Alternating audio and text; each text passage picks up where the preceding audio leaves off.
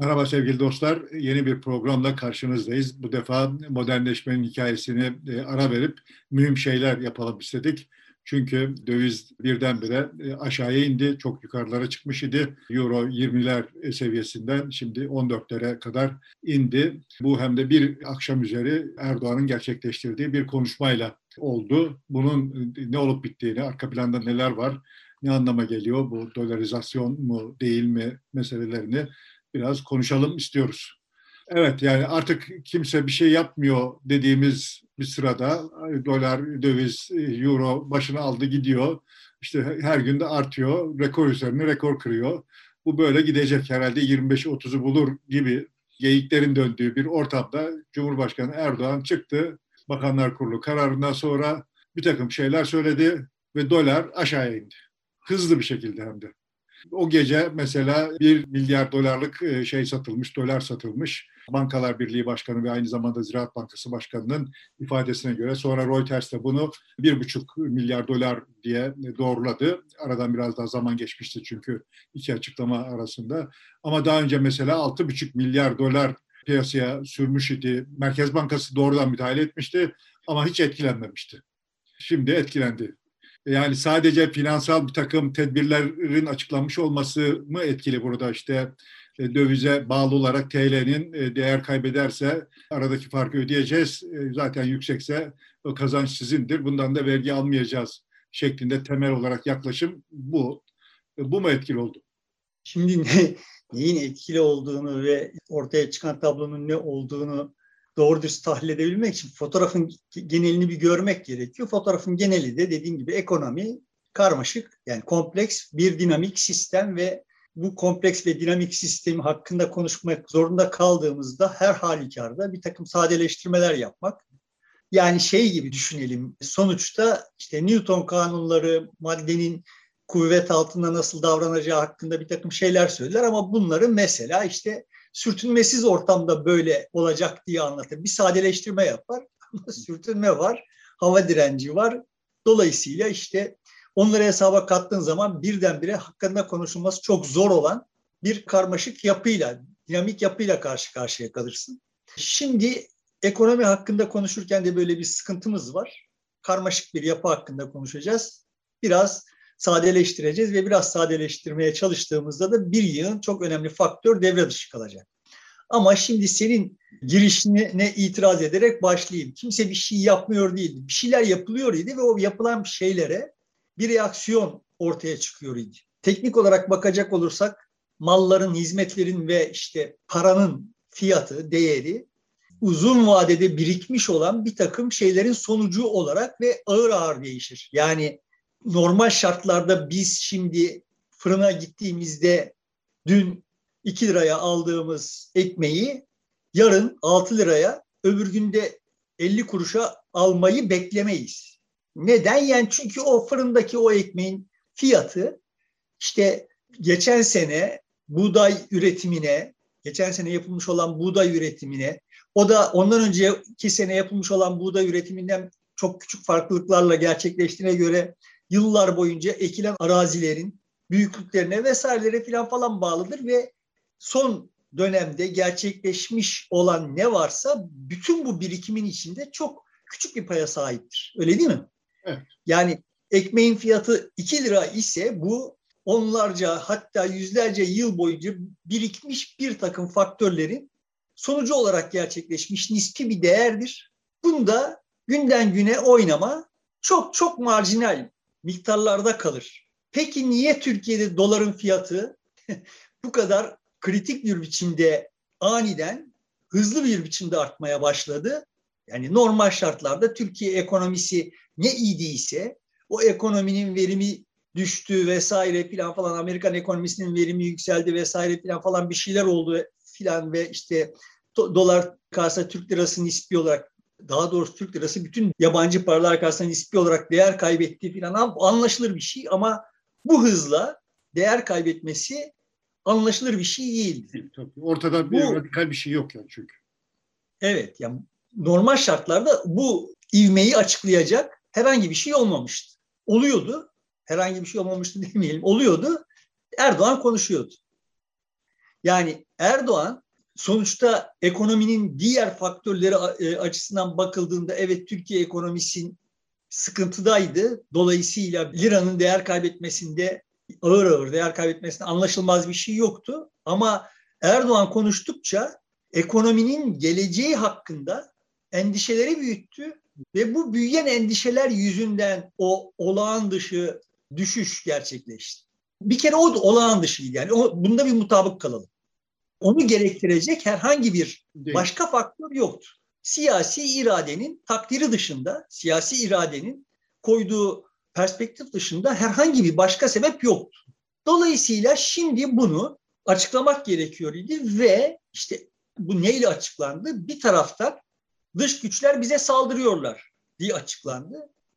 Görüldü ki dış güçler bize saldırmıyorlarmış. Yani eğer dış güçler saldırıyor olsalardı şimdi de saldırırlardı ve elde ettikleri sonucu korurlardı filan. Belki arkada İkinci bir mutabakat sağlanmıştır dış güçlerle.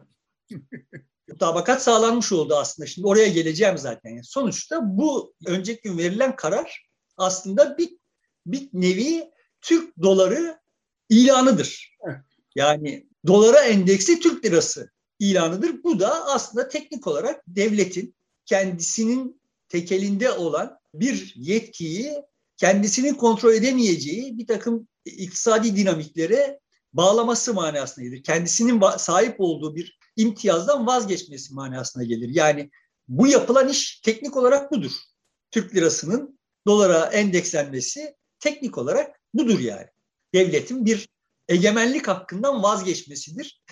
Ve bunu bize kahramanlık olarak anlatanlar, şimdi şu ortaya çıkan sonucu bize kahramanlık olarak anlatanlar düne kadar diyorlardı ki bize bu yabancılar saldırıyorlar. Şimdi o yabancıların parasına Türk lirasını e, endeksleyerek Türkiye'nin bir egemenlik hakkını o yabancıların eline devrettiler. Eğer ilk söyledikleri doğru idiyse bu vatana ihanettir yani.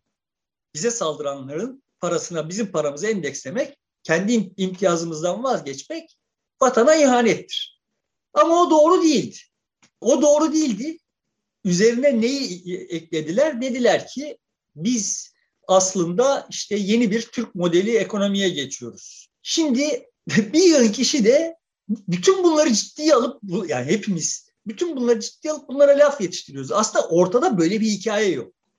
Geçen hafta sonunda söylemeye çalıştım yani sonuçta aslında çaresizlik içinde belli bir hedef gözetmeden belli bir sıkışmışlığın sonucu olarak gerçekleşmiş olan şeyleri bir hedefle açıklamak gibi işler yapılıyor ve biz de o hedefleri sanki sahiden de öyle hedefler varmış falan gibi konuşuyoruz. Öyle bir şeyler olmadı hiç. Yani, yani öyle bir işlere biz sonradan bir teori oluşturmaya, bir program oluşturmaya çalışıyoruz. Bir hedef koymaya çalışıyoruz. E, tabii ki bir teori, yani bir hedef koymaya çalışıyoruz. Bir teori yani Türkiye'nin mevcut halini, iktidarın mevcut halini ve Türkiye ekonomisinin mevcut halini anlamak için bir teori tırnak içinde bir kavramlaştırma yapmamız lazım. Yaptığımız iş sadece kavramlaştırma yapmak değil. Bu kavramlaştırmayı sanki orada aklı başına bir takım özneler var. Bir takım hedefler koymuşlar ve bu hedefler için yapıyorlar varsayımıyla açıklıyoruz. Böyle bir şey yok. Yani kedi köşeye sıkışmış, tırnaklarını çıkartmış, saldırıyor ve biz diyoruz ki mesela işte kedi şu mamaya ulaşmak için yapıyor bunu. Halbuki sadece köşeye sıkıştığı için yapıyor. Yani nedenleri var, niçinleri yok yapılan işlerin. Benim kendi hesabıma sevdiğim kavramlaştırmayla. Niçinleri olmayan şeylerin niçinlerini arayıp buluyoruz, uyduruyoruz yani. Şunun için yapılıyor değil. Şu sebeple yapılıyor. Hangi sebeple yapılıyor? Çaresiz, köşeye sıkışmış siyaseten, köşeye sıkışmış bir özne son tahlilde işte duvara dayanmış nas gibi kavramlar üzerinden kendi çekirdek kitlesini hareketlendirmek ya da hiç değilse onu muhafaza etmek.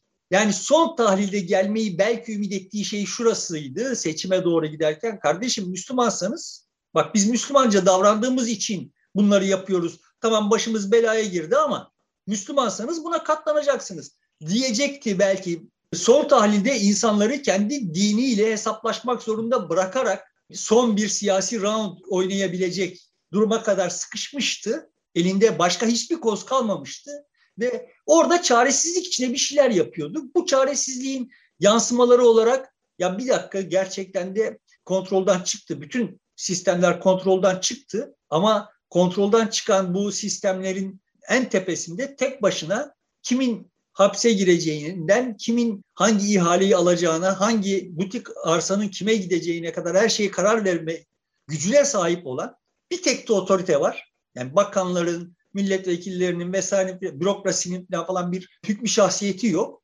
Dolayısıyla bu da zıvanadan çıktı. Dolayısıyla yarınımız çok korkutucu endişelerinin sonucu olarak ekonomide olağan dışı şeyler olmaya başladı. Evet, Tablo böyle bir şey. Şimdi sorun şu, eğer Türkiye böyle tek kişinin yani dünyanın herhangi bir yerine herhangi bir topluluk tek kişinin kararlarına bağımlı değilse o tek kişinin zıvanadan çıkması yaygın bir endişeye yol açmaz. Çünkü insanoğlu şöyle düşünür. Tamam bu aklını yitirdi ama yani şimdi Celal aklını yitirdi ama Güneş onu onun yaptığı hataları telafi edecektir. Onu zapt edecektir. Dolayısıyla oğlan kendisini emniyette hisseder. Ama eğer Güneş'in Celal'i kontrol etme kabiliyeti olmadığı, Celal'in her istediğini yapabilecek olduğunu düşünüyorsa Celal'in aklını kaybetmesi tehlikeli. Korku sebebidir yani. Şimdi Türkiye'de olmuştu olan şey aslında buydu. Her şeye kadir bir merkezi otorite var. O merkezi otoritenin yaptığını yanlış bulan yanında yamacında insanlar var ve bu insanlar ona bunun yanlış olduğunu söyleyemiyorlar. Bunu görüyorduk yani. Yani bunu görüyorduk, bunu biz söylemiyorduk. O insanların davranışlarından bunlar görünüyor idi. Dolayısıyla doların öyle aşırı yükselişi Türkiye'nin geleceği hakkındaki kaygıların fiyatlanması idi. Bugünkü veya dünkü sonuçta bizim liramızın değer kaybetmesi dolar karşısında ve işte euro karşısında ve yuan karşısında filan değer kaybetmesi olağan bir şey. Neden? Çünkü bizim bu para birimlerinin geçerli olduğu toplulukların veya ülkelerin verimliliklerine kıyasla daha düşük bir verimliliğimiz var. Daha verimsiz bir ekonomimiz var. Dolayısıyla ağır ağır istikrarlı bir biçimde değer kaybı anlaşılır bir şey. Uzun yılların birikiminin sonucu olarak yani.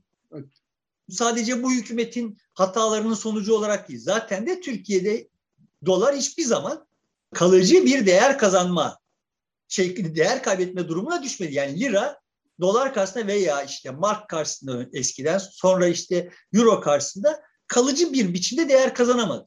Neden? Çünkü bizim ekonomimiz bu ekonomilere kıyasla daha düşük performans. Yani öbürleri Ama, iki viteste giderken biz bir viteste gidiyoruz. Gibi. Evet. Şimdi bu hikayeyi belki şöyle e, ifade etmekte yani yine basitleştir, basitleştirmenin getirdiği hataları göze alarak şöyle hikaye etmek mümkün yani. Bütün dünyada bir tek para birimi olsaydı, yine ülkeler olmak kaydıyla, bir tek para birimi olsaydı bütün dünyada. Ama senin ülkende sen işte yılda şu kadar otomobil üretebiliyorsun, şu kadar işte bilmem ne üretebiliyorsun.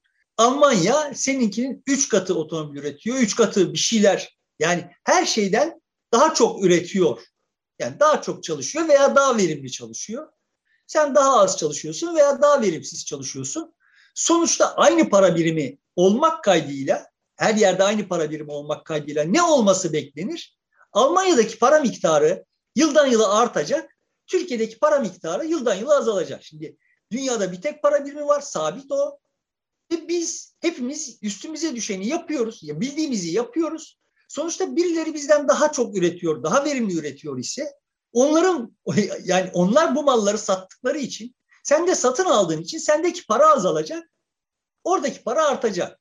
Şimdi teknik olarak para birimlerinin birbirine kıyasla değer farkı buradan kaynaklanıyor. Kur farkı dediği şey Buradan kaynaklanıyor. Yani oradaki verim daha yüksek olduğu için oradaki para miktarı artıyor.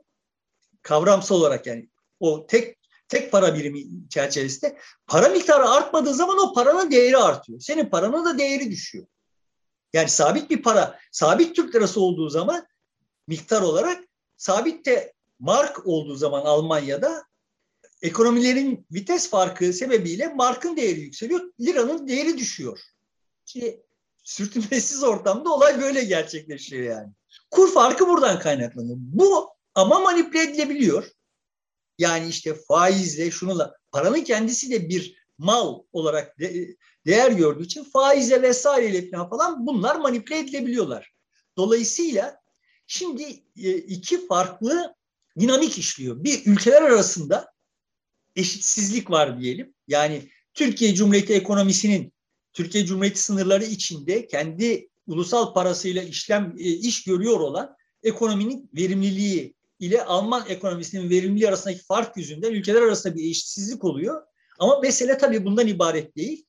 Bir yandan da Almanya'nın içinde bir takım eşitsizlikler yani Almanya'nın içinde farklı farklı statüde olan insanlar var. Türkiye'nin içinde de farklı farklı statüde olan insanlar var. Bir de bunlar arasındaki eşitsizlikler var.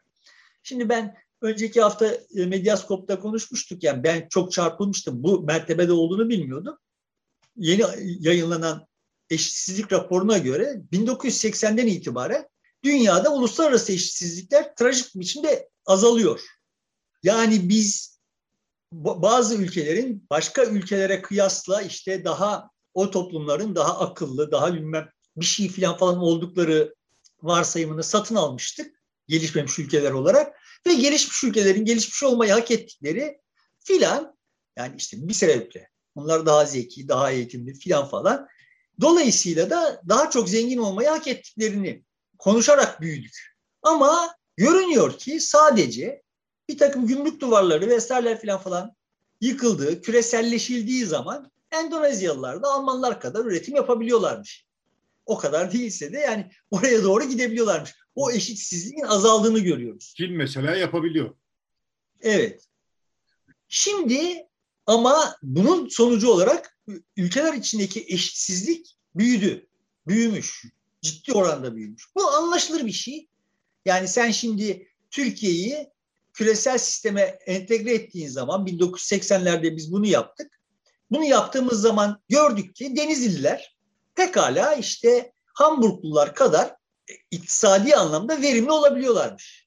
Ama o Almanya'da o olay gerçekleştiği dönemde Almanya'nın içindeki eşitsizlikler zaman içinde giderilmiş. Sen şimdi buna yeni başlamışsın. Dışarıdan bir yığın para geliyor. Bu Denizli'de belli insanların elinde toplandı. Malatya'da belli insanların elinde toplandı. Antep'te belli insanların elinde toplandı. Dolayısıyla Türkiye'nin içindeki eşitsizlik büyüdü. Bunun giderilmesi için de bir zamana ihtiyaç var. Yani nitekim görünüyor ki ülke içi eşitsizlikler demokratik Batı Avrupa ülkelerinde dünyanın kalanına kıyasla çok daha düşük. Çok yani bariz bir biçimde düşük yani. Ama işte dünyanın kalanında özellikle de işte bu trene yeni binmiş olanlarda bu ülke içi eşitsizlikler çok büyük. Yani Şimdi uzattım. Demokratik olan ülkelerde orta sınıf gelişmiş, daha otoriter olan ülkelerde orta sınıf yok. Aşağıda çok büyük bir e, kesim var, yoksul. Yukarıda da çok az bir kesim var, olabildiğince zengin. Evet ama sonuçta bunun başka bir kestirme çözümü yok. Yani ya bu sisteme, bu uluslararası sisteme entegre olacaksın. Entegre olduğun zaman bundan küçük bir kesim faydalanacak. Sonra zaman içinde bunun toplumun diğer kesimlerine yaygınlaşmasını sağlayacaksın. Veya entegre olmayacaksın kendi içindeki eşitsizlikler büyümeyecek ama sen bütün dünya liginde alt sıralarda kalacaksın. Bunun teferruatına girmek istemiyorum. Teoride böyle çok parlak, böyle olmayan çözümler üretilebilir. Pratikte hiç olmadı yani. Pratikte böyle bir şey hiç gerçekleşmedi insanlık tarihinde.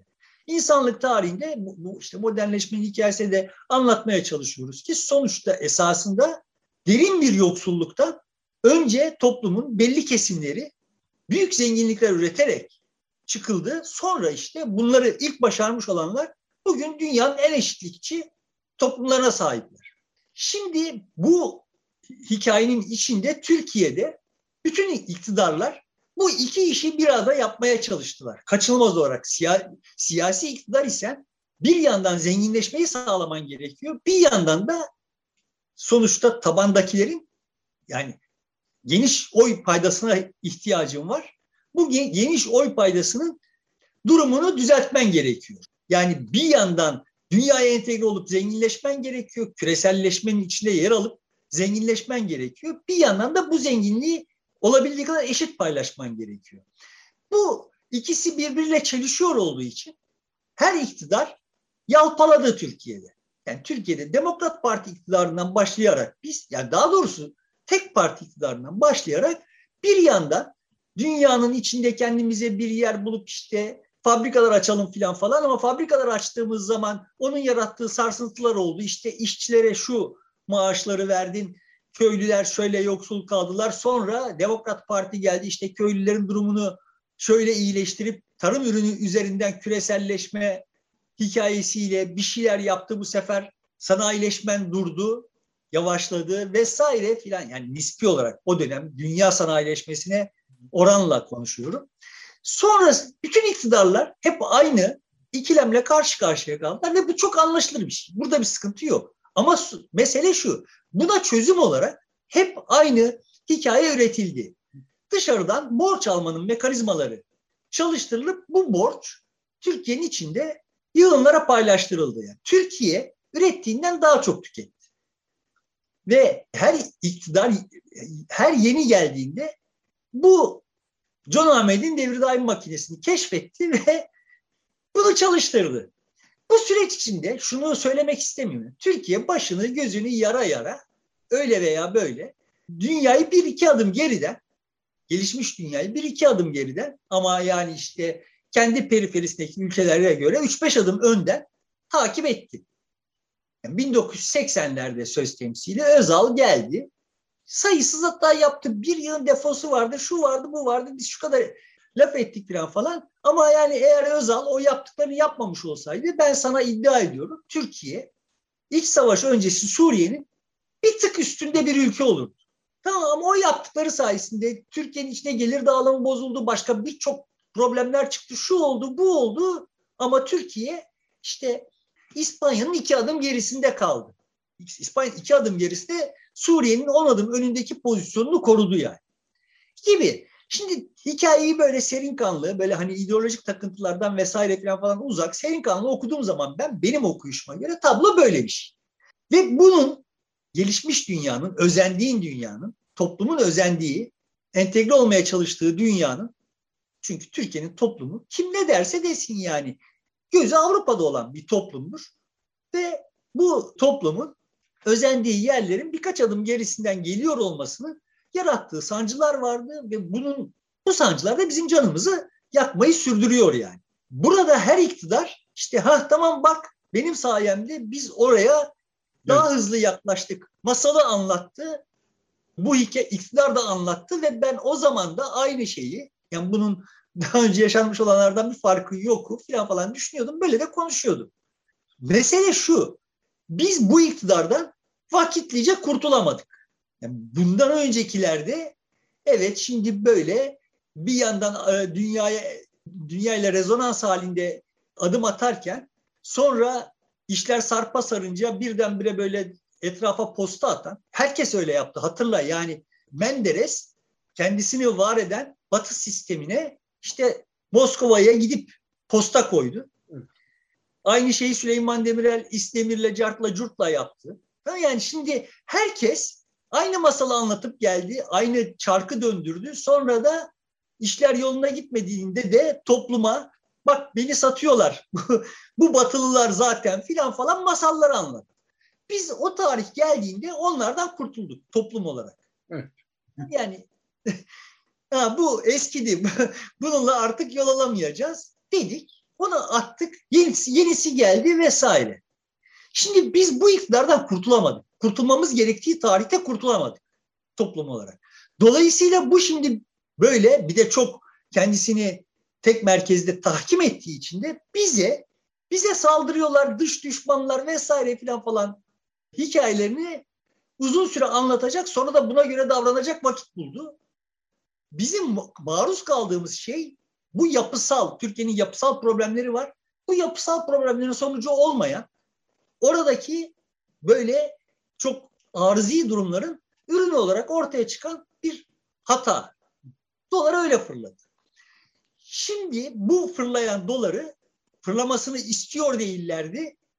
Fırlamasının neye mal olabilir? Yani siyasi olarak kendilerine siyaseten ne fatura getirebileceğini biliyorlardı, korkuyorlardı vesaire. Bütün iktidarlar, bütün istikrarsızlıklardan korkarlar yani.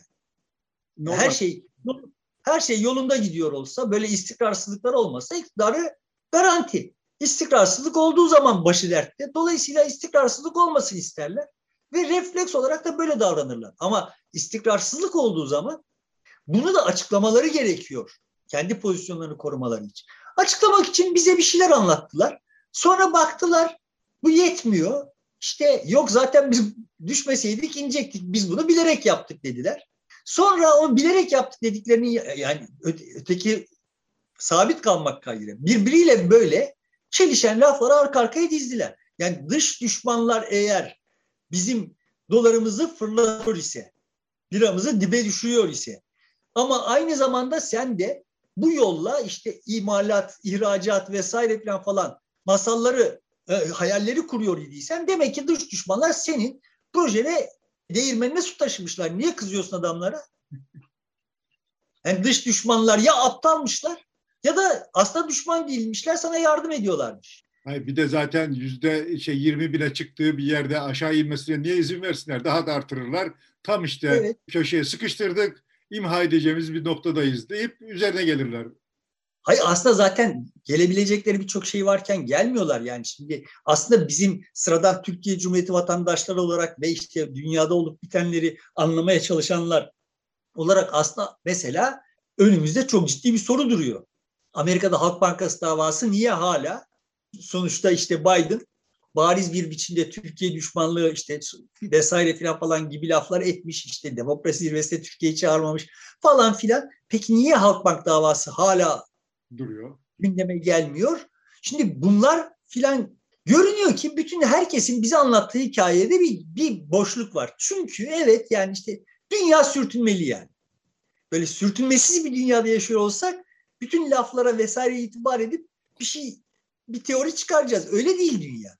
Bunların hepsi bir arada oluyor. Düşmanca davranıyorlar mı? Davranıyorlar. Ama bu düşmanlığı seni imha edecek düzeye götürmüyorlar mı? Götürmüyorlar. Yani her şey belli tuhaf dengelerde duruyor. Hiçbir şey teorinin var. Onun da bir maliyeti var onlara. Yani Türkiye'de bir istikrarsızlığın iyice artmış olması, mesela Suriye gibi, Irak gibi olması, işte Balkanlar ve Avrupa'yı çok daha etkileyecek. Orada da yeni problemler ortaya çıkaracak. Onun için onlar da bunu istemiyorlar doğal olarak. Herkes kendi hesabını yapıyor. Ama doğru ama yanlış. Herkes bir hesap yapıyor. Terazide iki kefesine muhtelif ağırlıkları koyuyor ve işte buradan bir bir sonuç çıkarıyor. Yani olay böyle herhangi bir teoriyle açıklanabilir. Tek başına bir teoriyle açıklanabilir bir olay değil yani. Karmaşık bir olay. Çok iç içe dinamikler var ve hiçbir şey sonuna kadar götürülmüyor. Her şey bir takım dengelerde ve o denge durmadan değişiyor. Dinamik denge yani. Dolayısıyla şimdi Türkiye'deki hikayede böyle absürt bir yapısal olarak birikmiş problemlerin bir tıkanıklığa yol açtığı yerde absürt davranışlar sergilenince bu absürt davranışlara vatandaşın vatan, tırnak içinde vatandaşların bir kesiminin elinde imkan olanların korkuları nedeniyle dolara hücum etmelerinin sonucu olarak dolar olmaması gerektiği şekilde yükseldi. Bu şimdi bize mesela ekonomide işte paranın kendisinin de bir mal olmasının ne manaya, manaya geliyor olduğu hakkında da bir yıl ahkam kesmeyi gerektiren bir durum. İşte oralara girmeyelim yani. Aslında sıkışıklık, dünyanın sıkışıklığı temelde buradan kaynaklanıyor. Temelde sıkı, bizim şu anda dünya ekonomisinin temel sıkıntısı paranın bir mal olmasından daha önemli. Yani para hep bir maldı da şu anda getirisi en yüksek malın para uzun süredir temel getirisi en yüksek olan malın para olması.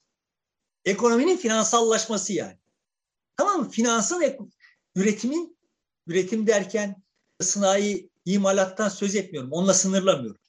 Hizmet üretimi artı işte bu enformasyon teknolojileri vesaire bunların tamamını kastediyorum. Şimdi bunların tamamının ekonomideki toplam katma değerinden daha çok, katma değer demeyelim, kazanç imkanından daha çoğunu sadece finans sağlıyor. Burada daha tatsız bir durum var. Normal şartlarda dünyada hep yani emeğin bir değeri vardı. Toprağın diğer üretim faktörlerin her birisinin bir değeri vardı. Toprağın bir değeri işte makinenin bir değeri, bilginin bir değeri vesaire. Ve işte sermayenin de bir değeri vardı. Ama sonuçta bu sermayenin değeri ağırlıklı olarak yani kar dediğin şey ağırlıklı olarak riskin bir getirisiydi. Yani ben işçi olarak risk almıyorum. Bana her ay şu maaş ödeniyor. Ama patronun riski var. Yani bana o maaşı ödemek zorunda. Ya verdiği kararlarla o maaşın üstünde bir şeyler. Bana ödediği maaş artı işte o makine teçhizat alımı vesaire filan falan amortismanlar, vergiler vesaireden sonra bir şey kazanacak. Neyin karşılığı? Aldığı riskin karşılığı. Şimdi finans piyasalarında da tablo böyleydi ve ama özellikle yani olay oraya kadar öyle gelmişti de 2008'de bariz bir biçimde göründü ki finans piyasalarında risk sıfırlandı. Yani parayla oynamaya başladığın zaman senin kaybını kamu karşılıyor. Karşılıyor, garanti ediyor. İş orada iyice zıvanadan çıktı. Tamam mı? Yani risksiz büyük kazançlar mümkün halde şu anda dünyada. Ve dünyanın karnını ağrıtıyor olan şey bu. Risksiz büyük kazançların mümkün olduğu bir dünyada kimse risk alarak bir takım yatırımlara vesaire arayışlara girmez yani. Bir dönem emlak çok gelişmişti. işte arazi, fabrikaları söktüler. Onun yerine konut yaptılar. iş yeri yaptılar filan. Oradan para kazandılar. Şimdi o da bitti belli ki. Ee, şimdi doğrudan paradan para kazanıyor. Evet. Şimdi dünyada dünyanın karnını ağrıtan olay bu ve bunu böyle işte küreselleşme, neoliberalizm vesaire falan falan gibi işler etiketleyip buradan piyasaya, kapitalizme vesaire falan vuruyorlar. Ya kardeşim bak ortada piyasa yok. Kapitalizm yok. Yani ortada riskin devletler tarafından minimize edildiği, sıfırlandığı neredeyse mümkün olduğu ölçüde sıfırlandığı, minimize edildiği bir e, sistem var ve biricik mal para. yani kalan bütün mallar paranın türevi halindeler. Bizim burada bir sıkıntımız var. Bununla uğraşılması gerekiyor ama işte o ezberler yüzünden böyle absürt işler yapılıyor yani. Şimdi şeye dönecek olursak, Türkiye'ye dönecek olursak, Türkiye'de şu yapılmış olan şey, verilmiş olan karar, elinde para olanın riskini, yani zaten olmayan riskini iyice sıfırlamaktan başka bir şey değil ve bunun o elinde para olan küçük azınlık dışında kimseye bir faydası yok.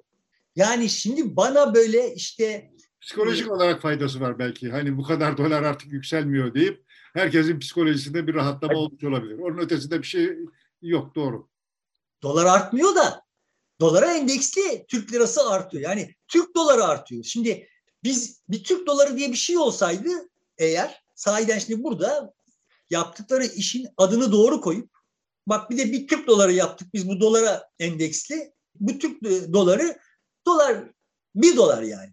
Deyip de bunu yapmış olsalardı eğer o zaman görecektik ki o Türk doları yükseliyor.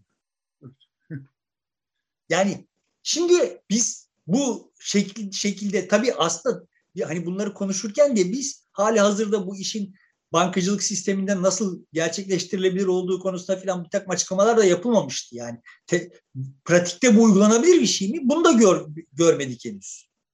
Yani devlet bir garanti veriyor da devlet bankalarına bu garantiyi devlet bankaları üzerinden bunu veriyor tamam. Ama yani özel bankalar bu bu riski nasıl sıfırlayacaklar? Onlar da garanti ediyor. Hepsini e, bir de birlikte garanti ediyor ve uygulamaya da başlıyor hemen. İşte yani bu mekanizma nasıl çalışacak? Kim buna ne kadar bu güvenceyi nasıl alacak? Bunun kanuni zemini var mı vesaire falan bilmiyorum yani. Ama pratik olarak bu çalışırsa eğer o zaman göreceğimiz şey şu. O dolara endeksli mevduat hesapları zirve yapacak. Sen şimdi burada Amerikan doları Türk lirası kuruna kurunu göreceksin de ötekisini görmeyeceksin yani. Dolayısıyla bu çok net bir biçimde bir kaynak transferidir ve finans elinde yani finansal araçları olan o, e, sıfır riskle finansal araç, araçlarla oynayanlara kaynak transferidir. Yani. Olan şey teknik olarak bu.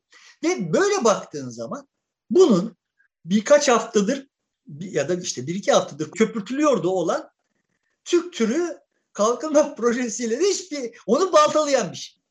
Yani hikayeyi nasıl gerçekleşmiş oldu? Bize saldırıyorlar. Yo biz zaten bunu yapmak istiyorduk. Şimdi Yo biz onu istemiyoruz noktasına gelindi ve bütün bu hikayeler aynı anda anlatılıyor. Hepsi aynı anda anlatılıyor yani. Birbiriyle çelişen bu hikayeler. Dolayısıyla şimdi ha bak burada bir özne var. Bu öznenin de rasyonel, kendi rasyonelitesi içinde rasyonel yani. Bir hedefi var diye bakmak bence tam bir budalalık yani. Ya böyle bir özne, ya bu öznenin herhangi bir rasyoneli çerçevesinde murad ettiği bir sonuç. Şunu murad ettiği için bunu yapıyor değil yani. Birilerini zengin etmek için de yapmıyor. Yani ona da katılmıyorum. Evet. Muhtemelen birilerine tüyo verip de dolar transferinden falan, falan birilerini zengin ediyor da değil. Çaresizlik içinde yani e, işte birisi bir Türk doları lafı attı. Ben dedim bunun üzerine gidecekler ve 48 saat geçmedi yani. Aslında yaptıkları iş o. Ve çaresizlik içinde boğulmak üzere olan bir özne denizin ortasında bulduğu ne varsa işte e, bir kalas parçasına tutunuyor. O baktığı zaman ötekine tutunuyor filan yani. Ve bütün bunları da bize aynı anda anlatıyor. İstiyorsan hani buradan bunun siyasetine gelelim yani. Evet. evet. Ekonomisi ekonomisi kafi ise Evet evet kafi yani doğrusu anlaşıldı. Bu şimdi Erdoğan yani sonuçta siyaseten anlaşılan şu iki taraf Erdoğan bir çıktı konuştu ve işte dolar indi diye. Muhalefet de ne olduğunu anlamayıp birden sessizliğe e, büründü. Eyvah biz bunu beklemiyorduk bir şeyler oluyor. Galiba Erdoğan gene şapkadan bir tavşan çıkardı. Gene kurtulduğu gibi bir e, düşünceye kapılmış gözüküyor. Evet sağda solda işte şöyle bir senin benim de çok sık müracaat ettiğimiz şöyle bir şey vardı yani. işte Erdoğan gündemi tayin ediyordu. Bir süredir muhalefet gündemi tayin etti ama şimdi gündemi yeniden Erdoğan tayin ediyor gibi bir tablo var. Ben gündemi tayin etmemek vesaire falan falan şu tabirlerle ortaya konduğunda katılıyorum. Benim açımdan tablo şöyle bir şeydir yani. Bir sessiz bir video seyrediyorsun ama işte mimiklerden sesi kesilmiş yani videonun. İnsanlar konuşuyorlar.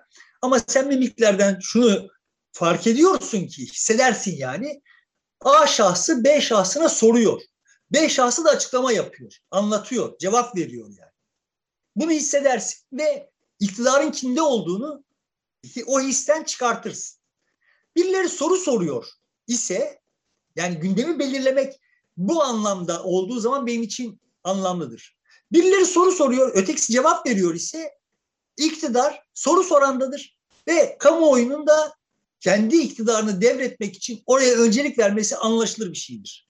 Çünkü kendisi muktedir olmayana kendisine bir güç hissedilmeyene güç vermeye insanoğlu toplumlar yanaşmazlar. Dolayısıyla da o soru soranın psikolojik bir avantajı vardır siyasette. Şimdi e, Erdoğan mütemadiyen suçlayan, soru soran özneydi yıllarca. Ve muhalefet mütemadiyen açıklama yapan, defans yapan taraf. Ama olmaz ki ama filan falan gibi böyle bu farkın Türkiye'deki kamuoyunu etkilediğini düşünüyor idim ve hala öyle düşünüyorum. Bir yerden sonra muhalefet bir biçimde bunu kırdı ve soru soran tarafa geçti. Soru soran taraf oldu ve gördük ki Erdoğan anında o pozisyon değişiminde kendi eski pozisyonunu korumayı başaramadı. Onun ne kadar ehemmiyetli bir şey olduğunu anlayamadı ve açıklama yapmaya başladı. Açıklama yapmaya başlayınca da hepimizin gözlerinin önünde birdenbire terazinin kefeleri yer değiştirdi. Bu kamuoyunun muhalefete ilgisini arttırdı. Bir, muhalefetin kendine güvenini arttırdı. İki, Erdoğan'ın kendine güvenini düşürdü. Saçmalama hızını arttırdı. Üç. Bizim gördüğümüz hikaye böyle bir şey. Şu son e, olaylar bunu değiştirir mi? Değiştirmez. Bir şartla. Muhalefet buradan bu gündemin içinde yani bu, bu kavramlaştırmaların içinde kalıp da ama filan falan deyip ama bu, bu, bu işe yapmaz ki ama sen şurada şöyle söylemiştin bu bununla çelişiyor. Şimdi burada söylediklerimi muhalefet söylerse işe yaramaz. Ben burada ne dedim? Aynı anda birbirle çelişiyor olan birçok şeyi söylüyorlar. Şimdi bunu bunu böyle lafın arasında bir geçiş olarak söyleyebilirsin muhalefet olarak. Hiç söylemesen daha iyi. Biz burada tahlil yapıyoruz yani. Siyaset yapmıyoruz. Ama muhalefetin Erdoğan'a Erdoğan'ı cevap vermek zorunda e, kalacağı yerlerde oynaması gerekiyor. Evet. Veya Erdoğan cevap vermezse cevap vermemesinin kamuoyunun zihninde soru işareti uyandıracağı yerler. Yani soruyu soran taraf olmayı sürdürmesi gerekiyor. Benim açımdan sürdürebilir mi peki bu ortamda? E, o yani ben hani biliyorsun beni ben yıllarca sonuçta bu muhalefet siyaset üretmeyi bilmiyor. Aslında bütün olup bitenler bu yüzden oluyor vesaire filan falan diyor idim ve ya bu Gara operasyonundan bu yana ya bir dakika galiba filan falan demeye başladım ve hep dilimi ısırdım yani. Şimdi de dilimi ısırıyorum ama hani buradan bu özgüvenin tadını çıkarmış olan muhalefetin ya bir dakika kardeşim deyip yoluna devam etme ihtimali de var ama evet bu darbeyle unufak olma ihtimali de var. Onu ben bilemem yani. Göreceğiz. Evet, Ama benim Erdoğan e, bütün söylediklerini geri almış oldu. Nas dedi faizi ve bu açık apaçık bir faiz. E, faizi evet demek. İsmini değiştirerek e, faiz yerine başka bir şey diyerek bunu yönlendirmiş oldu. İki, ben dışarıyla iş yapmam demiş idi. Meydan okumuştu. Hayır biz küresel sistemin dışında kalmayacağız geçmişte olduğu gibi filan deyip kuvvetli cümlelerle Batı ile beraber olabileceğinin altını çizmeye çalıştı. İşte hep piyasayla inatlaştı, inatlaştı. Şimdi piyasaya güven vermeye çalışıyor. Onunla birlikte olmaya çalışıyor. Yani aslında çok hızlı bir 180 derecelik dönüşüm gerçekleştirdi. Belki buradan muhalefet bir şey yapabilir mi bilmem. İşte tam buraları buralara dokunmaması gerektiğini söylüyorum ben. Benim kanaatime göre muhalefet oyun alanını başka bir yerde açmalı. Şimdi burada eğer muhalefet Erdoğan'ın bütün bu yaptıklarını birbirinin aksettiğini vesaire falanlara girerse yani e, işte sen söylüyorsun ben anlıyorum. Evet ben de öyle düşünüyorum. Bu bir faizdir adı faiz olmayan ama şimdi bu adı faiz olmayan faiz falan falan gibi şeylere girdiğin zaman sen cevap veriyor duruma geliyorsun. Açıklama yapıyor duruma geliyorsun. Yani, tamam mı? Yani adam orada bir şey yapmış. Sen peşinden sürükleniyorsun. Dolayısıyla bu oyunlara gelmemesi gerektiğini düşünüyorum. Yani bu oyunlara gelmemesi de yanlış bir izlem. Yani Erdoğan muhalefeti böyle bir oyuna düşürüyor, düşürmek için bunu yaptı falan manasında söylemiyorum. Yani e, muhalefetin kendi bildiğini oynaması gerekiyor. Şu anda toplumda isterse dolar yeniden 2 liraya düşsün. Toplumda şu anda ruh durumu kardeşim bu iş fazla uzadı. Biz bu iktidarın defterini dürelim. Evet. Kamuoyundaki yaygın bu iktidara oy verenler de dahil. Yaygın o, yani o kesimlerde de dahil. Yaygın ruh durumu bu. Bu eskidi yani. Yenisine bakalım. Bunu bu momentin üzerinden gitmesi gerekiyor muhalefet. Ve bize kendi Türkiye hayalini anlatması gerekiyor. Bir hayal yani bu gerçekçi olabilir olmayabilir. Doğu iyi olabilir olmayabilir, güzel görünebilir görünmeyebilir ama bir hayal anlatması gerekiyor ki kamuoyunun Erdoğan'dan uzaklaşması için bir bahanesi olsun yani. Yoksa yani kamuoyunda zaten bu bıkkınlık var.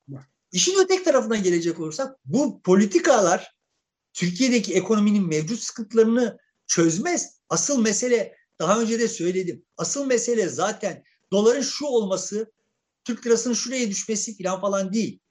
Yani bir gün içinde yüzde yirmi değer kaybedip sonra yüzde yirmi değer kazanan bir, bir para kimse için bir hükmü olan bir şey değildir artık yani. Yani piyasada alışveriş imkanı sağlamaz yani. Şu anda bizzat Cumhurbaşkanı ilan etmiş oldu. Dolara bağladı. Düşerse e, dolara göre ben sana far, aradaki farkı vereceğim diyor. Artarsa tamam. senindir diyor. Ama şimdi sonuçta işte teknik olarak bu Türk dolarının dışında reel Türk lirası dolar kuru bir gün içinde böyle bir zıplama yaptı. Evet. Ha, yani bir ay içinde akla ziyan oynaklıklar sergiledi. Şimdi bu oynaklıkların yol açtığı hasarların e, artçı dalgaları bizi uzun süre meşgul edecek. Çok uzun süre. Yani buradan itibaren bir stabilite sağlanır mı? Çok şüpheliyim. Yani dolar kurunda bir stabilite sağlanır? Dolar kurunun buradan itibaren gerisin geri ve hızlı bir biçimde düşmesi de riskli. Tabii tabii. Zaten en büyük risk o. Hızlı yükselmesi, hızlı düşmesi. Evet. Ve bunun böyle arka arkaya gelmesi. Bu biz bunu bir aydır yaşıyoruz. Tamam, tamam mı? Şimdi öyle bir bütün iktisadi aktörler için. Yani bütün iktisadi aktörler derken seni ve beni de kastediyorum. Yani ben şimdi gideceğim ithal malı çay alacağım. Bitti çayım. Çay alacağım. Çayı kaç liradan alacağımı bilmiyorum. Yani geçen sefer kaç liradan almıştımı biliyorum. o, onun iki katı mı? Bir buçuk katı mı? iki buçuk katı mı? Bulabilecek ya, miyim? Onu ya, da bilmiyorum. Ya, yarın alsan daha mı düşer? Şimdi biraz düşmeye evet. başladı ya fiyatlar. Evet. Düşer mi? Yani şimdi o bir kere bulabilecek miyim onu bilmiyorum. Evet. İkincisi bulabileceksem adam dolar yükselirken onun fiyatını yükseltti şimdi düşerken düşürmüş müdür? Düşürmemiştir. Düşürür mü? Düşürmez. Dolayısıyla senin o doların yükselmesiyle sisteme yüklediğin yük neyse o yük kaldı. Bir tek kesim burada kendi içinde rahat o da finansal kesim. Yani sıfır riskle zaten sıfır riskle yürüyor idiler. Şimdi o risk reel olarak, resmi olarak yani reel olarak sıfırdı. Şimdi resmi olarak sıfırlandı. Ama bunun dışındaki bütün iktisadi aktörler, üreticiler, mal ve hizmet üreticileri, tüketiciler vesaire çok ağır bir yükün altında kaldı. Dolayısıyla bu ekonominin toplumda bir ferahlamaya yol açması vesaireyi falan falan hayal etmek çok akıl dışı. Dolayısıyla da bunun üzerine gidilmesini muhalefet tarafından bunun üzerine gidilmesi çok da manalı bulmuyorum. O zaten toplumun ter tercümana ihtiyaç olmadan yani liderlerin esnafa gidip durumun nedir, halin nedir diye sorması gibi bir şey. Evet. Zaten bir belli yani, o.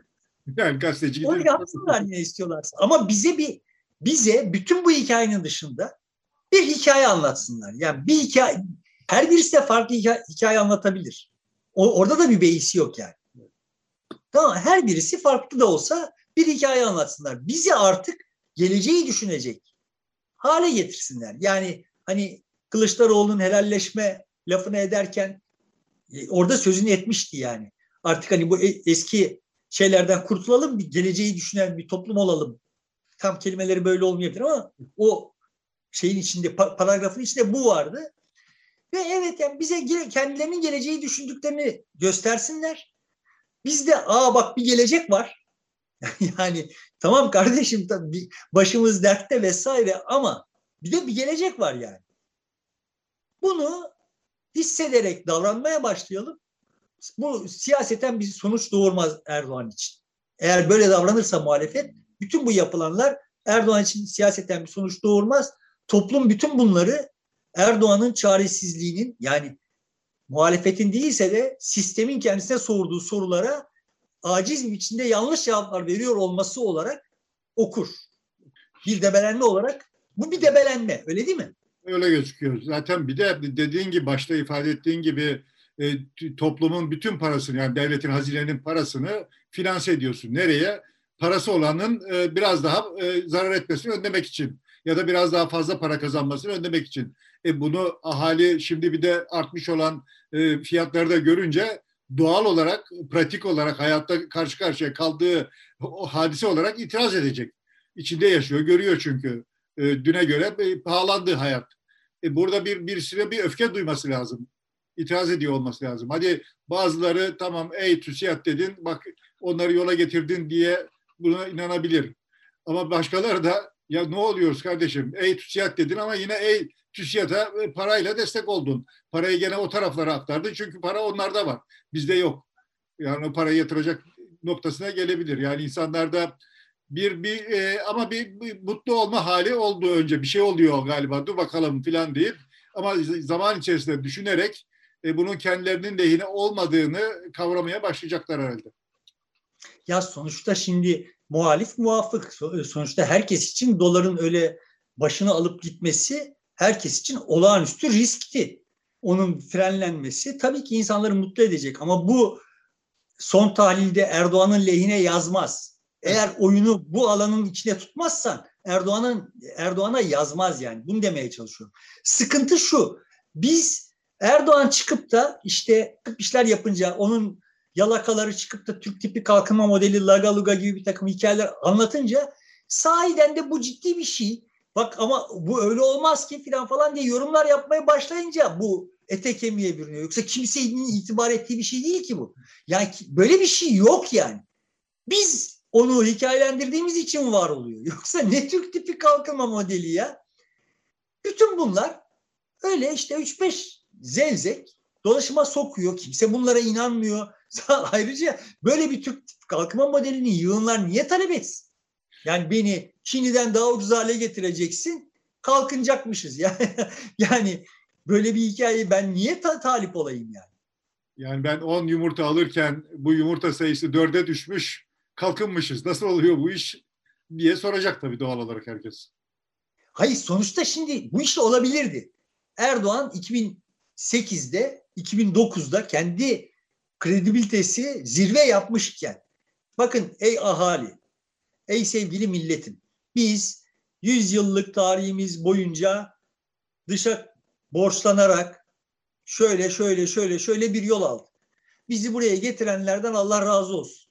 Ama biz şimdi geldiğimiz noktada çok yapısal bir takım dönüşümlerle bedelini ödeyerek işte Güney Kore'nin bir zaman başardığına benzer bir şekilde bir hikayeyi başarabiliriz.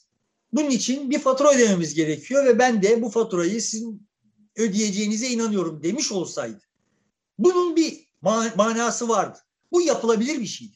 Şimdi bu kredibilitesi en yüksek olduğu durumda ancak yapılabilir olan şeyi kredibilitesinin en düşük olduğu yerde yapmaya kalkıyor ve elzem dediği açıklamak filan ya, ya da bunu ya, niyetimiz bu diyor. Ya böyle bir niyet yok. Yapılamaz yani. Yapılamaz. Yapılamayacağını o benden iyi biliyor. Zaten de işte hani dediğim gibi aynı paragrafın içinde birbirine çelişen şeyleri söyleyip duruyor. Her şeyi söylüyor. Ama biz onun hakkında konuşanlar bunları bu kadar veri kabul edip de konuşmasak onların hiçbir, hiçbir hükmü yok kamuoyunun nezdinde. Muhalefetin bunu yapmaması gerekiyor. Ben şimdi muhalefetin bu anlamda çok tuzağa düşmüş olduğunu düşünmüyorum. Bir şaşkınlık yaşamışlarsa filan falan bilmiyorum ama kendi kendi kulvarlarında yürümeleri de gerekiyor. Yürüyeceklerdir diye de ümit ediyorum. Ya. ne diyeyim yani. Bu bizim açımızdan, toplum açısından bu verilen karar şimdiye kadar yapılan sonuçta Türkiye şöyle özetleyeyim yani. Türkiye yapısal problemleri derin olan bir ülke. Bu yapısal problemlerin çözümü için böyle masa başında e, kendilerini çok her şeye hakim zanneden adamların ürettikleri türden böyle işte Güney Kore örneği, Japonya örneği vesaire, Çin örneği vesaire filan falan gibi çözümler çözüm değil. Burada yaratıcı çözümler gerekiyor ve ciddi seferberlikler gerekiyor. Bu böyle bizim problemlerimiz öyle bir teoriyle falan falan çözülebilecek çok karmaşık bir sistemin içinde çok karmaşık bir sistemiz biz.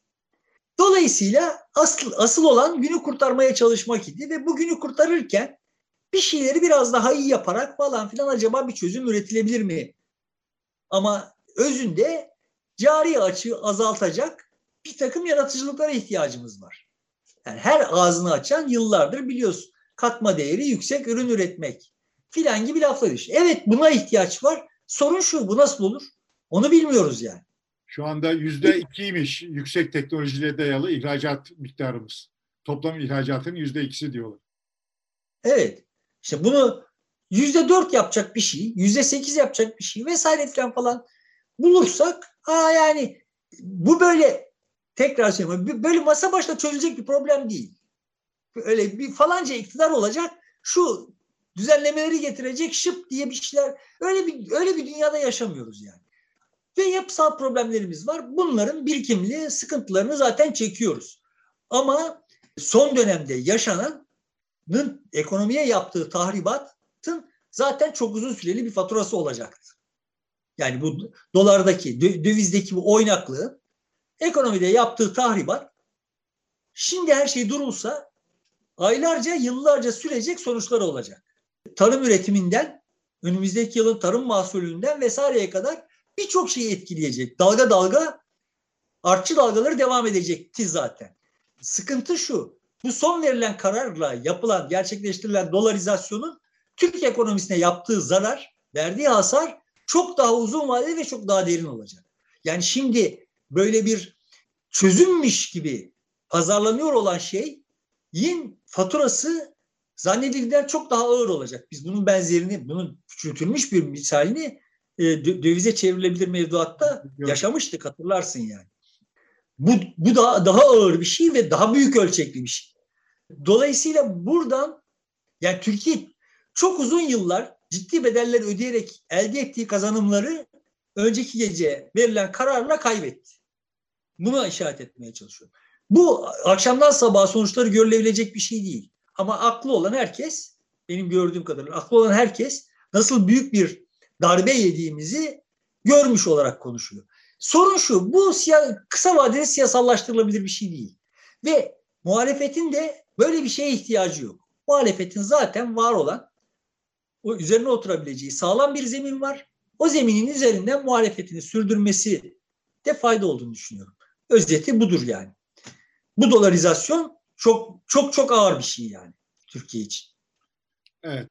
Biz faizi indirme kavgasıyla başladık ama bir dolarizasyonla e, sonuçlanan noktaya geldik. E, niye şimdi sonrası geliyor insanın Naci Ağbal'ı görevden aldın. Hiç olmazsa e, altı buçuklara kadar indirmişti doları. Biraz faiz artmıştı o kadar. Ha biraz daha artsaydı bu kadar bu noktalara gelmeseydik. Şimdi trafik kazası oldu. Kolumuz bacağımız yaralandı. İşte doktor kolumuz bacağımız sardı. Biz teşekkür etmek durumunda kalıyoruz dönüp bu trafik kazasını niye yaptın kardeşim? Şoför ne, niye atladı gitti arabadan, niye kullanmadı bunu demiyoruz herhalde oraya doğru gidiyoruz. Hayır, bu, bu hikayede şu eksik bıraktın. Kolumuzu bacağımızı sararken ağrımızı dindirmek için bize morfin verdi ve biz morfin müptelası olduk. Onun sonuçlarını çok uzun vadede göreceğiz. Evet, ya bu bir bu bir morfin yani Sadece kol bacak sarma hikayesi değil. Morfin verildi ve bunun sonuçlarını çok uzun vadede göreceğiz yani. Çok uzun vadede yani önümüzdeki 15-20 yıl bunun faturasını ödemekle geçecek. Peki o zaman burada bitiriyoruz. Çok ümitli bitirmedik ama e, burada bitirmiş olacağız. Sevgili dostlar e, görüşmek üzere. Hafta sonu yeniden haftaya bakışta karşınızda olacağız.